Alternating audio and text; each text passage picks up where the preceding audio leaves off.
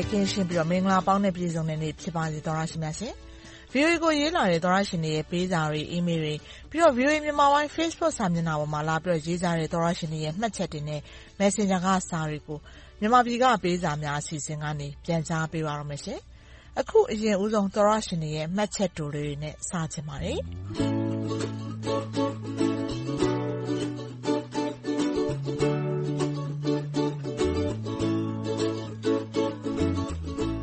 မှာ VOA နဲ့ VOA ပရိသတ်ကို နှုတ်ခွန်းဆက် ဆုတောင်းပေးလာတဲ့ သောတရှင်တွေထဲမှာဆိုရင်တော့ ဦးစိုင်းခမ်းထွန်းဆိုတဲ့ သောတရှင်က နှစ်သစ်မှာ VOA ဝိုင်းတော်သူ ဝိုင်းတော်သားအပေါင်း စိတ်ရောကိုယ်ပါ ကျန်းမာချမ်းသာပြီးတော့ လိုလားတောင့်တမှုဟူသမျှ ပြည့်ဝကြပါစေလို့ ဆုတောင်းပေးလာပါတယ်။မခိုင်ကတော့ နှစ်သစ်မှာ မြန်မာပြည်အကြမ်းဖက်အာဏာလုလက်မှ အမြန်လွတ်မြောက်ပါစေတဲ့။နောက် သောတရှင်တယောက်ဖြစ်တဲ့ အစီရဝတီကတော့ နှစ်သစ်မှာ ပျော်ရွှင်စရာ သတင်းလေးတွေ လွှင့်နိုင်ပါစေ VOA တဲ့။နောက်တယောက်ဖြစ်တဲ့ ကာကာကတော့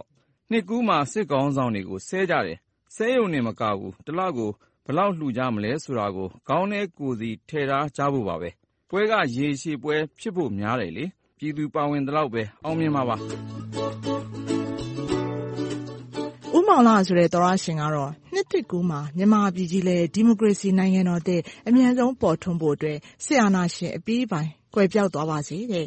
မြန်မာပြည်သူပြည်သားများနဲ့ VOA ဝိုင်းတော်သူ ဝိုင်းတော်သားများ အားလုံးနဲ့အတူ ကိုယ်စိတ်နှစ်ဖြာ ကျန်းမာဘေးကင်းပြီးလိုရာပြည့်ကြပါစေနော်တဲ့။ဒီမိုအားလုံးဆိုပြီး ဆုတောင်းပေးလာတာပါ။ပီတာကိုကိုဆိုတဲ့ သောတရှင်ကတော့ ကျေးဇူးကြီးလှပါတယ် VOA ရေ။အမှန်တရားအတွက် မရှိမဖြစ်သော သတင်းဌာနတခုပါ။ကျနော်တို့ ကမ္ဘာသူကမ္ဘာသားတွေအတွက် ခွန်အားအများကြီး ဖြစ်စေပါတယ်။အမြဲအားပေးနေဦးမှာပါလို့ ပြောလာပါတယ်။ချိုချိုစိန်ဝင်းဆိုတဲ့ သောတရှင်ကတော့ မင်္ဂလာပါ VOA ရေ။အမြဲအားပေးလျက်ပါ သတင်းမှန်များအတွက် ကျေးဇူးတင်နေပါတယ်တဲ့။ Kevin Cho ဆိုတဲ့ သောတရှင် ဆုတောင်းပေးလာတာကတော့ မြန်မာ့ဒီမိုကရေစီအရေးကို စဉ်ဆက်အားပေးခဲ့တဲ့ VOA သတင်းဌာနကြီး တည်တံ့အဓွန့်ရှည်ပါစေလို့ ရေးလာတာပါ။ဆိုင်းဆိုင်းဦးလေးဆိုတဲ့ သောတရှင်ကလည်း ခေါင်းစဉ်အတိုင်း ဘက်မလိုက်တဲ့လက်မစားတဲ့ သတင်းဌာနကြီးအဖြစ်နဲ့ အမြဲတမ်းအောင်မြင်ပါစေလို့ ဆုတောင်းပေးလာပါတယ်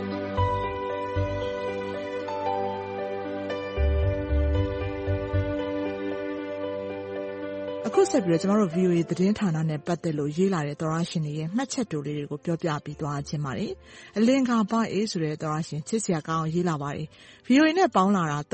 နှစ်ပြတဲ့။ခုထိချစ်ကောင်းတုန်းလို့ရေးလာပါတယ်။ VOA ကလည်းသောတရှင်တွေအားလုံးကိုအထူးချစ်ခင်ပါတယ်။ဟုတ်ပါတယ်မသီတာလွင်ဆိုတဲ့သောတရှင်ကလည်းမင်္ဂလာပါ VOA ။ဟိုးအရင်ကတည်းကနေဒီကနေ့ခေတ်အထိဆက်ပြီးတော့အားပေးနေပါတယ်။ဘက်မလိုက်တဲ့သတင်းမီဒီယာအဖြစ်အမြဲတမ်းရပ်တည်နိုင်ပါစေ အမှန်တရားကို ချပြနိုင်ပါစေလို့ မေတ္တာပို့ပါတယ်။ထွန်းထွန်းမြန်မာဆိုတဲ့ သောတရှင်က သုတရသ ဗဟုသုတတွေ တင်ဆက်ပေးလို့ ကျေးဇူးတင်ပါတယ်တဲ့။မင်းအောင်ကတော့ အမေရိကန်အစိုးရ၊အမေရိကန်ပြည်သူနဲ့ သတင်းဌာန ပြည်သူအများအား သတင်းပေးနေသောသူအားလုံး ကျန်းမာဘေးကင်း၊အန္တရာယ်ရှင်းပြီး လိုရာဆန္ဒတွေ ပြည့်ဝနိုင်ကြပါစေလို့ ရေးလာတာပါ။ကိုကျော်ထွန်းထွန်းဆိုတဲ့ သောတရှင်ကတော့ ကျနော့်အဖိုးခေတ် အဖေခေတ်ကတည်းက မြန်မာပြည်သူအားလုံးရဲ့ အားကိုးရာ အားထားရာက VOA ပါ လူသားလွတ်လပ်မှုနဲ့ လူသားဂုဏ်သိက္ခာအတွက် အုပ်ချုပ်ခံပြည်သူအားလုံးဘက်က အမြဲရပ်တည် ပံ့ပိုးပေးခဲ့တဲ့ VOA သတင်းဌာနကို မြန်မာနိုင်ငံသားအားလုံးက အမြဲကျေးဇူးတင်နေမှာပါလို့ ရေးလာပါတယ်။ဝိုင်းပြီးပြောပြပေးတဲ့ ကိုဉာဏ်ဝင်းအောင် အထူးကျေးဇူးတင်ပါတယ်။ဒါတွေကတော့ သောတရှင်တွေ ကျမတို့ နှစ်သစ်ကူး ၂၀၀၂ ကနေ ၂၀ ၀၃ခုနှစ်ကိုကူးပြောင်းတဲ့အချိန်မှာ ကျမတို့ VOA Facebook စာမျက်နှာမှာ လာပြီးတော့ နှစ်သစ်မင်္ဂလာဆိုပြီး နှုတ်ခွန်းဆက်ရင်းနဲ့ VOA သတင်းဌာနနဲ့ ပတ်သက်လို့ ကျေးဇူးတင်ကြောင်း ရေးသွားကြတယ်။အခုလိုသောတရှင်တွေအားလုံး မှတ်ချက်ပေး ရေးလာတဲ့အတွက်လည်း အထူးကျေးဇူးတင်ပါတယ်။မင်္ဂလာနှစ်သစ် ဖြစ်ပါစေလို့လည်း အားလုံးကို ဆုတောင်းပေးချင်ပါတယ်။နားဆင်ကြတဲ့ စာမေးကြတဲ့ သောတရှင်တွေကိုလည်း ကျမတို့ အထူးကျေးဇူးတင်နေပါတယ်။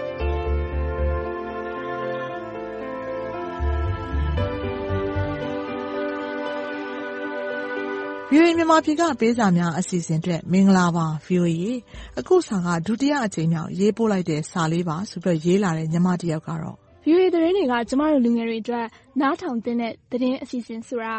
တခြားလူငယ်တွေလည်းသိစေချင်ပါတယ်။ညီမကတော့ VOA ကထုတ်လွှင့်ပေးနေတဲ့အပတ်စဉ်အစီအစဉ်တွေကိုလည်းအရမ်းကြိုက်ပါတယ်။အစီအစဉ်တကျချိတ်ဆက်မှုရှိရှိနဲ့ထုတ်လွှင့်ချက်တွေကလူထုကိုလည်းအကျိုးရှိစေတယ်လေ။သတင်းမှန်တွေနဲ့အတူနိုင်ငံတကာ သုတမျိုးစုံကိုလည်းသိရှိခွင့်ရလို့ကျေးဇူးပါ။အဲဒီထဲမှာ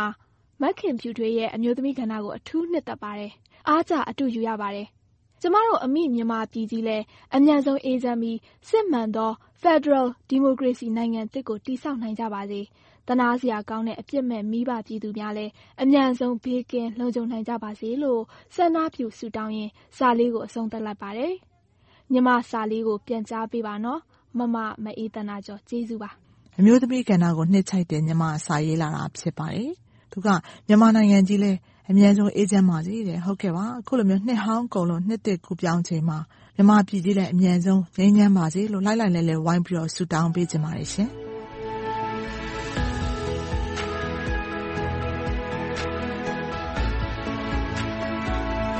မန္တလေးတိုင်းပြင်ဦးလွင်ဟိုလိပ်ကျေးရွာကပြည်သူတဦးပါဆိုပြီးရင်ဖွင့်လာတဲ့သရရှင်တယောက်ရဲ့စာကိုလည်းပြန်ကြားပေးချင်ပါတယ်။သူကတော့လျှက်စစ်မီတာကားတွေနဲ့ပတ်သက်ပြီးတော့ကျေးရွာနေပြည်သူလူထုဒုက္ခတွေ့နေကြပါတယ်ဆိုပြီးတော့အခုလိုမျိုးသူတို့ကြုံတွေ့နေရတဲ့အခြေအနေကိုစာရေးရင်ဖွင့်လာပါတယ်။ကျေးလက်မီးလင်းရေးကော်မတီတွေရဲ့လက်ရှိလုပ်ကိုင်ဆောင်ရွက်နေပုံတွေဟာစားဝတ်နေရေးခက်ခဲနေတဲ့အချိန်ကာလထဲမှာ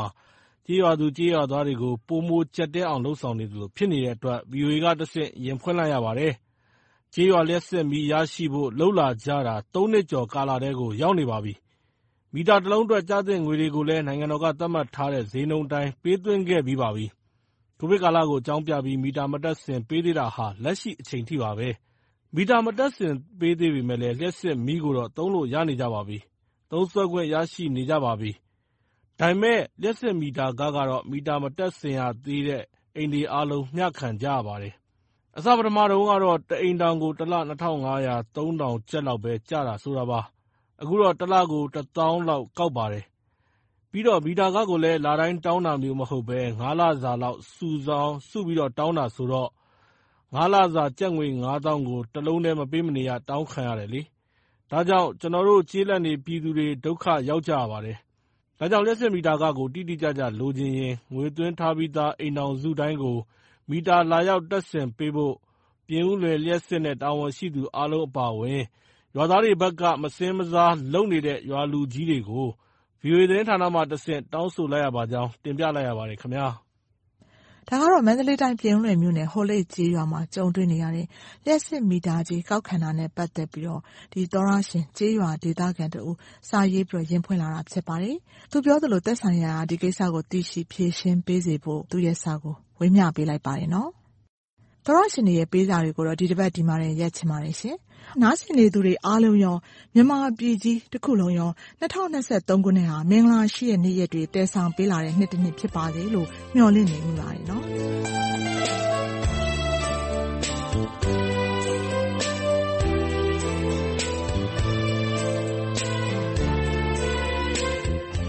VOA မြန်မာပိုင်းရဲ့ရုပ်မြင်သံကြားနဲ့ ရေဒီယိုအစီအစဉ်တင်ဆက်မှုတွေနဲ့ ပတ်သက်ပြီး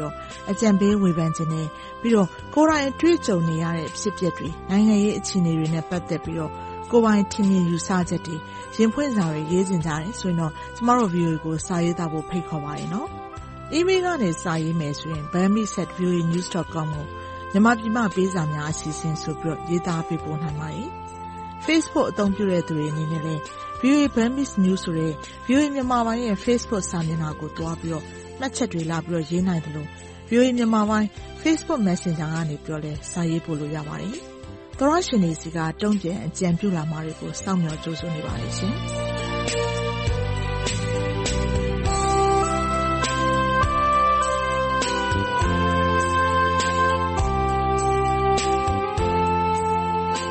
မြန်မာနိုင်ငံနဲ့နိုင်ငံတကာကရေးသားပေးပို့လာတဲ့ VOA မြန်မာပိုင်းသောတရှင်တွေရဲ့ဝေဖန်အကြံပေးစာတွေ၊ရင်ဖွင့်စာတွေနဲ့ဒေသချင်းတောင်းလွှာတွေကိုတနင်္ဂနွေနေ့ညပိုင်းနဲ့တနင်္လာနေ့မနက်ပိုင်းအချိန်တွေမှာမြန်မာပြည်ကပေးစာများအစီအစဉ်ကနေထုတ်လွှင့်တင်ဆက်ပေးနေပါတယ်။ရေဒီယိုကနေဖမ်းယူနားဆင်နိုင်တဲ့အပြင်ရုပ်မြင်သံကြားကနေလည်းထုတ်လွှင့်ပေးနေသလို VOA မြန်မာပိုင်း Facebook စာမျက်နှာနဲ့ YouTube စာမျက်နှာတို့ကနေလည်းထုတ်လွှင့်ချိန်နဲ့တပြိုင်နက်တည်းတိုက်ရိုက်နားဆင်နိုင်ပါတယ်။ လွှင့်ထုတ်ပေးခဲ့ပြီးတဲ့ အစီအစဉ်တွေကို Facebook နဲ့ YouTube ပေါ်မှာ ပြန်ပြီးနားထောင်နိုင်သလို VOA အင်တာနက်စာမျက်နှာနဲ့ ဖုန်းပေါ်က VOA App တွေမှာလည်း သွားပြီးနားထောင်ကြည့်ရှုနိုင်ပါတယ်။ကျမတို့ရဲ့ VOA App နာမည်က VOA Burmese ဖြစ်ပါတယ်။ကျမတို့ရဲ့ အင်တာနက်စာမျက်နှာလိပ်စာက burmese.voanews.com ဖြစ်ပါတယ်။ကျမ အေးသန္တာကျော်ပါ။ VOA ကိုလည်း စာရေးကြပါဦးနော်။သောတရှင်တွေအားလုံး ဘေးအန္တရာယ်ကင်းရှင်း၊ရွှင်လန်းချမ်းမြေ့ကြပါစေရှင်